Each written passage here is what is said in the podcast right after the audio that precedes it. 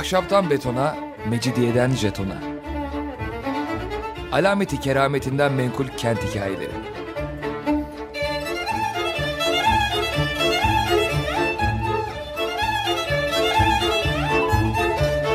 Hazırlayan ve sunan Pınar Erkan.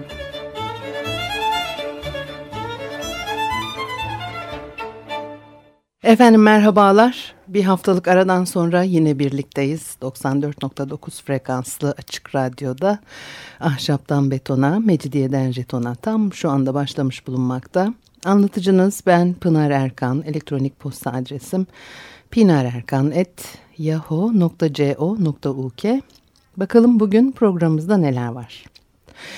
1630'da ciddi veba salgınları var Avrupa'da. Bundan kısa bir süre önce Milano'da ayaklanmalar çıkıyor. Bu isyanları anlatan Manzoni sakatların fırınlara hücum ettiklerini söylüyor. Fırıncılara saldırmışlar. Pasta bulamamışlar da fırıncının ekmeğini mi yağmalayacakları tutmuş. Evet gerçekten de öyle olmuş. Çünkü aç olan insan lüks yiyecek peşine düşmüyor. İnsanlar açsa ekmek istiyorlar. Yüzlerce yıldır e, yöneticilik yapanlar da bunu gayet iyi biliyor ve insanlar e, öncelikli ihtiyaçlarını karşılama peşine düşüyorlar. Ekmek kıtlığı varsa e, bu da tabii ciddi sorunlara yol açıyor.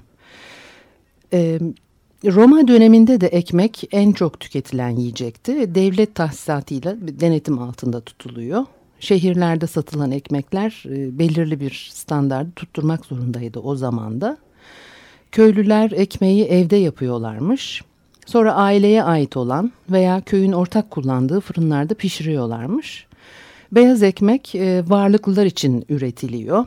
Yani Roma döneminde de bu böyle. Geldiğiniz zaman 19. yüzyılda hatta 20. yüzyılda e, dahi epey süre e, beyaz ekmek bu özelliğini sürdürüyor. O zamanlarda da çeşitli yağlar, süt veya başka malzemelerle tatlandırılıyormuş.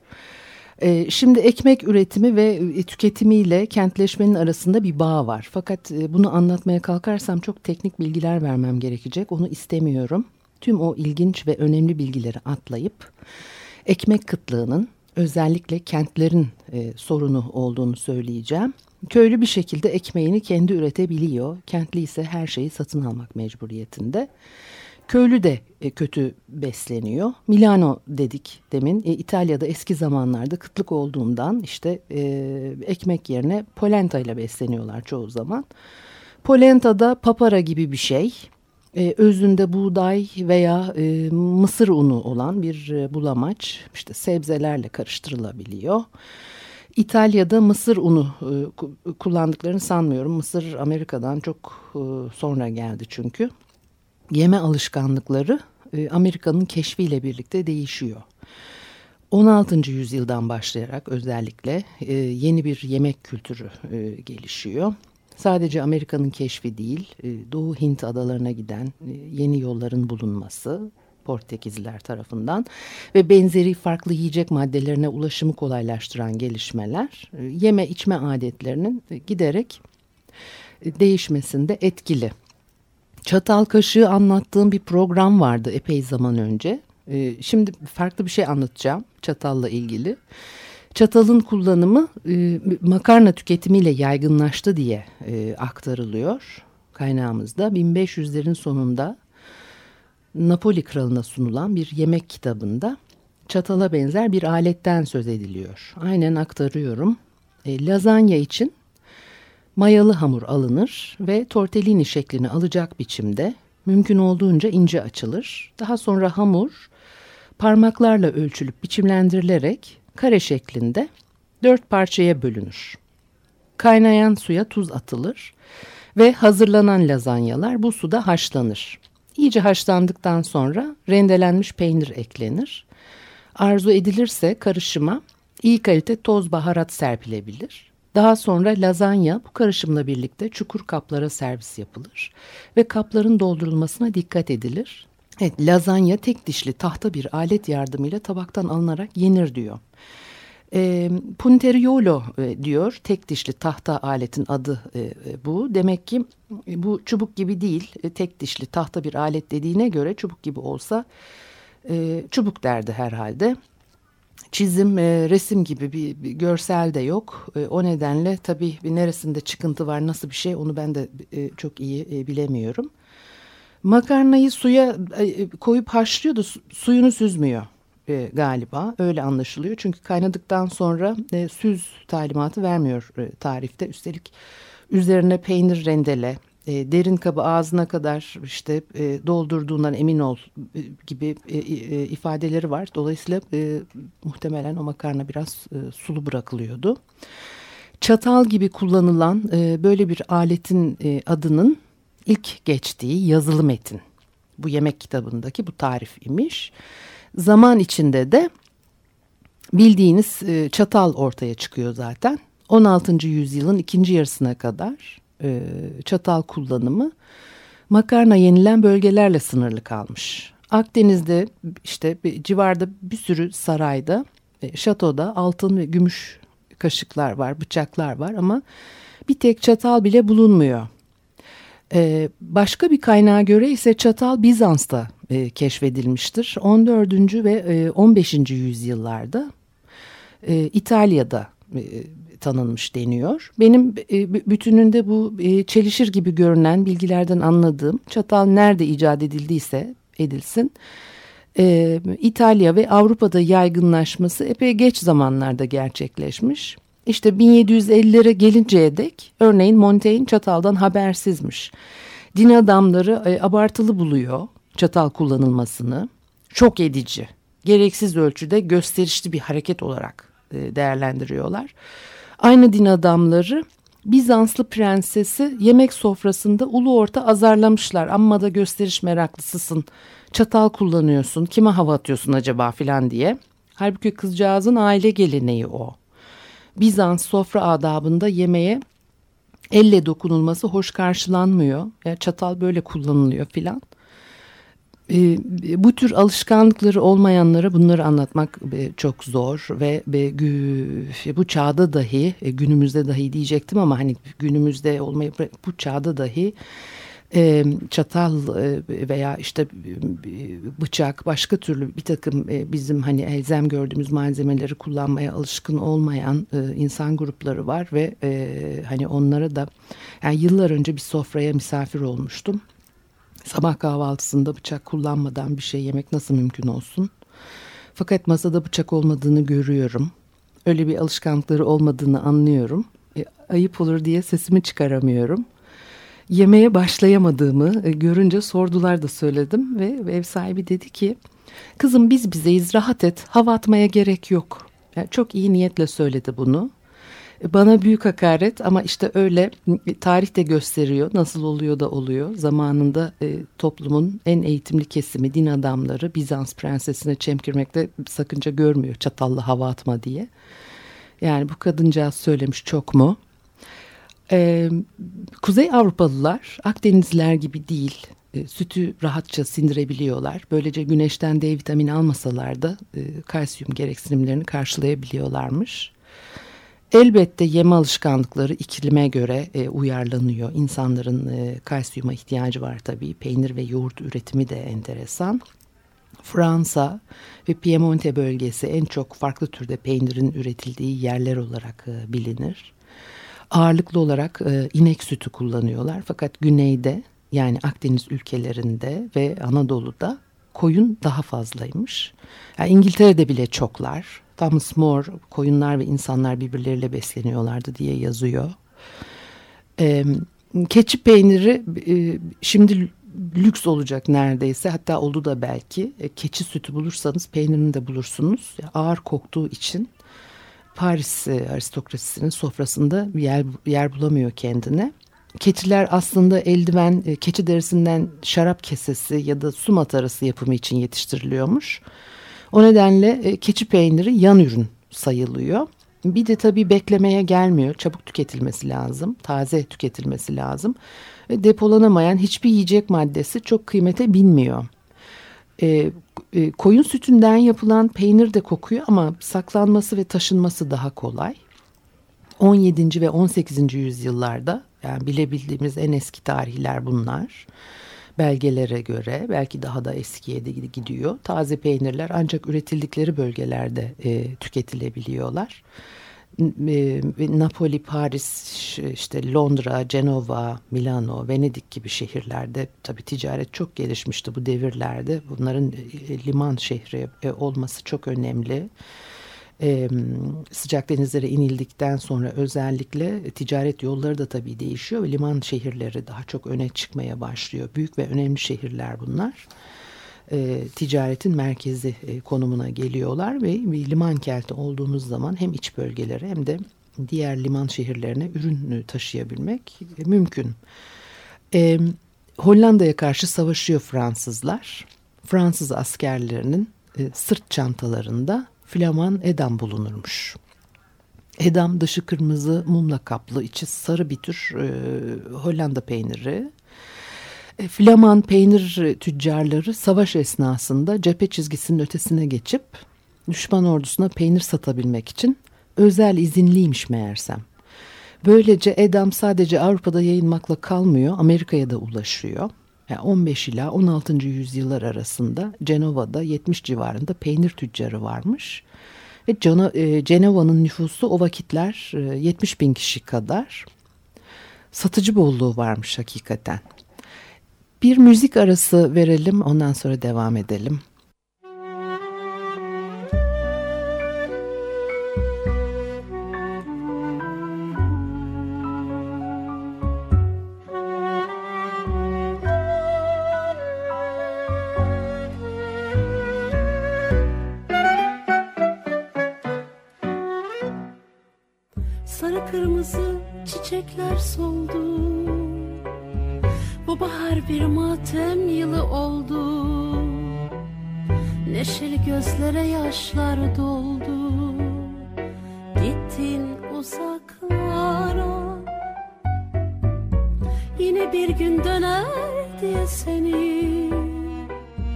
Özledim o gül kokan teni.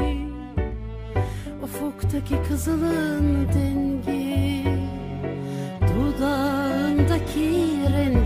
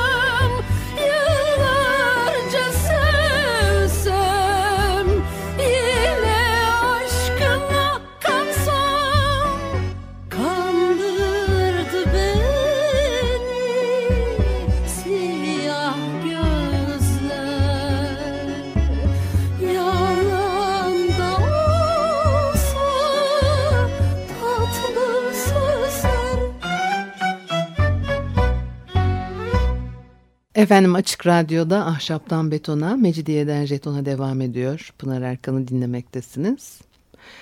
Ee, beşinci Charles, e, e, birinci François ve Muhteşem Süleyman'ın piyadeleri binlerce eğer ve koşum takımı kuşanıyormuş. Yaralanan atları kesiyorlar ve etlerini yiyorlar. Eşekler iyi kalitede et veriyormuş. Dağ yolları boyunca binlercesi yürüyüp duran o işte katırların eti e, sosis üretiminde kullanılıyormuş. Anlaşıldığına göre tuzlanmış e, eşek, e, e, at, katır eti tüketimini Hristiyanlar Müslümanlardan öğrenmiş. Bildiğim kadarıyla da bugün İtalya'da katır eşek yiyorlar mı bilmiyorum ama at eti lokantalarda filan servis ediliyor. E, bir de tuz meselesi var enteresan. Onu da Murat Belge'den aktaracağım. E, tuzun çürümeyi engellediğini hepimiz biliyoruz. Balık, et gibi yiyecekleri tuzluyorlardı. Yüzyıllar boyunca da böyle korunarak tüketildi bu besinler. Tabii normalinden daha tuzlu bir şey yemiş oluyorsunuz. Günümüzde 6 ila 8 gram arası tuz yeterli olabilir. E, sağlıklı bir insan e, gün boyu yediklerine lezzet katmak isterse. Halbuki orta çağda tuz tüketimi günlük adam başına 20 gramın altına inmiyormuş. Üretimini yapmak kolay değil tuzun. O nedenle çok erken dönemlerden başlayarak e, kıymetli bir ticari meta olmuş. Gemiyle denizlerden veya işte ırmaklardan yani hep su yoluyla e, taşınıyor çünkü ağır bir şey. E, her yere ırmakla deniz yoluyla taşıyamazsın. Mesela Sahra çölünden çıkarılan o tuz blokları kervanlarla Afrika'ya gönderiliyor. E karşılığında altın ve fil dişi getiriliyormuş. Tabi uzak doğuda özellikle fil dişi tabi çok kıymetli bir şey. E, Avrupa'da pek de altın yok. E, Afrika'da çok var. E, Afrikalılarsa e, tuza altından fazla paha biçiyorlar. Böylece ticaret teşvik ediliyor elbette. Aşağı yukarı e, 1500 yıl kadar süreyle Sahradan güneye fil dişi veya e, köle karşılığında tuz taşınıyor. Ve bu alışveriş sessiz yapılıyormuş. Nasıl sessiz yapılıyormuş?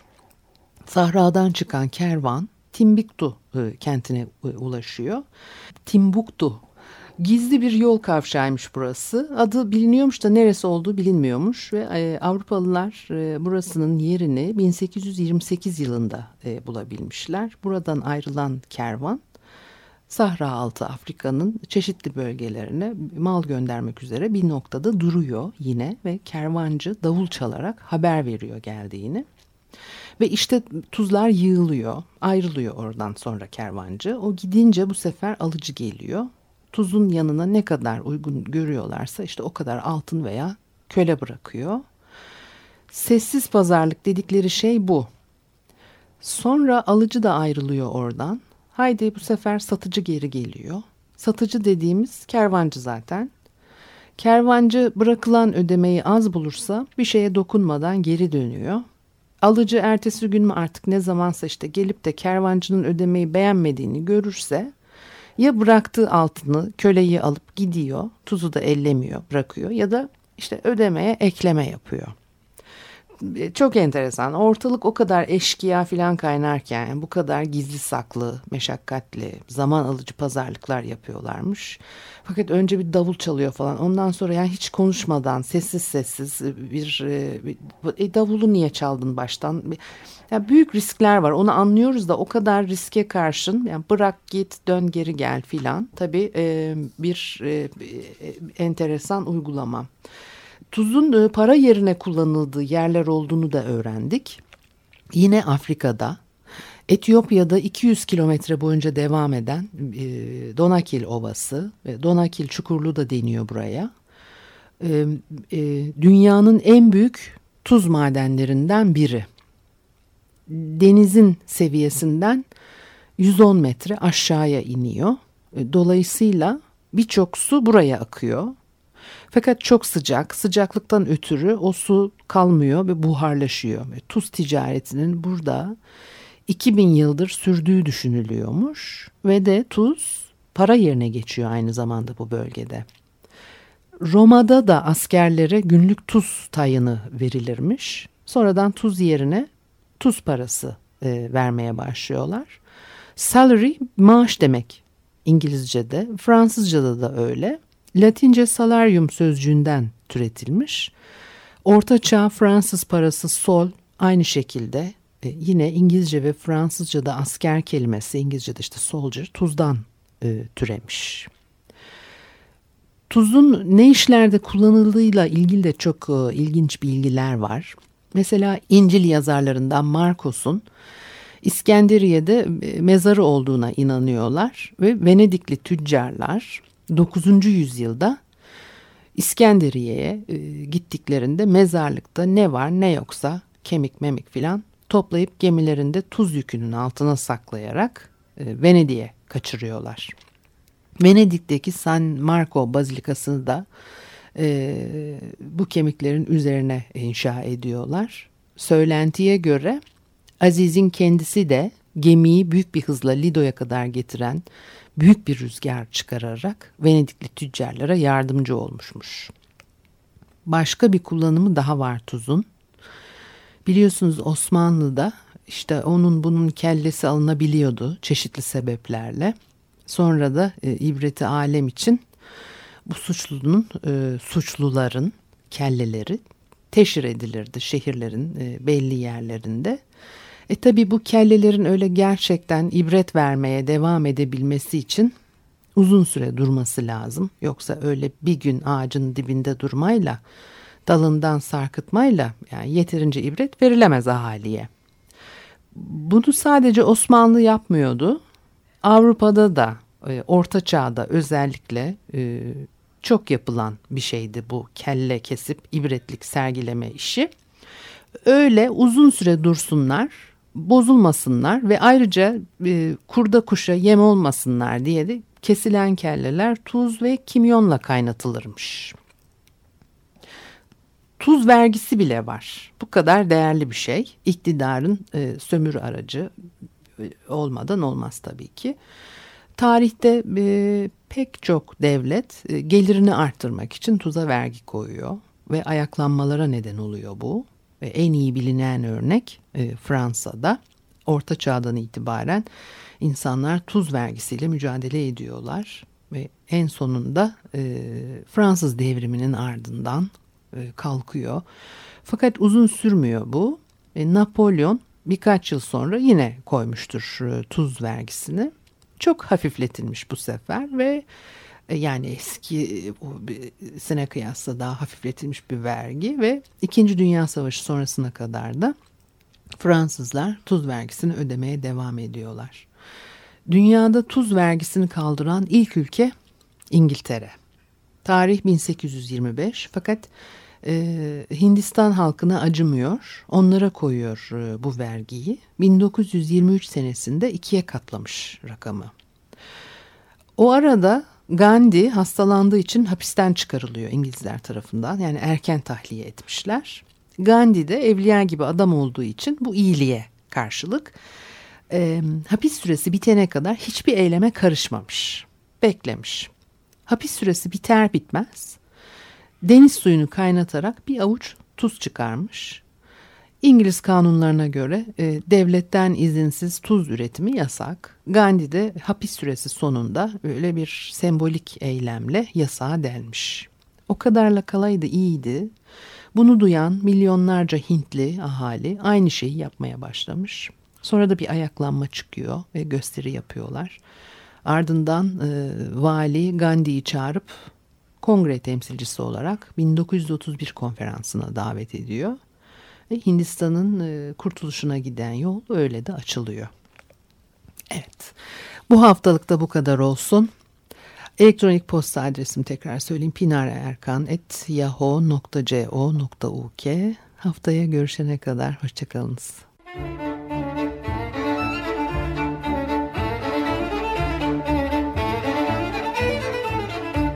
Ahşaptan betona, mecidiyeden jetona. Alameti kerametinden menkul kent hikayeleri.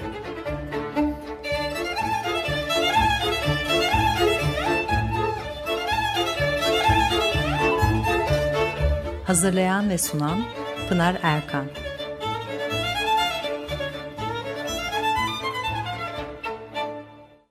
Açık Radyo program destekçisi olun.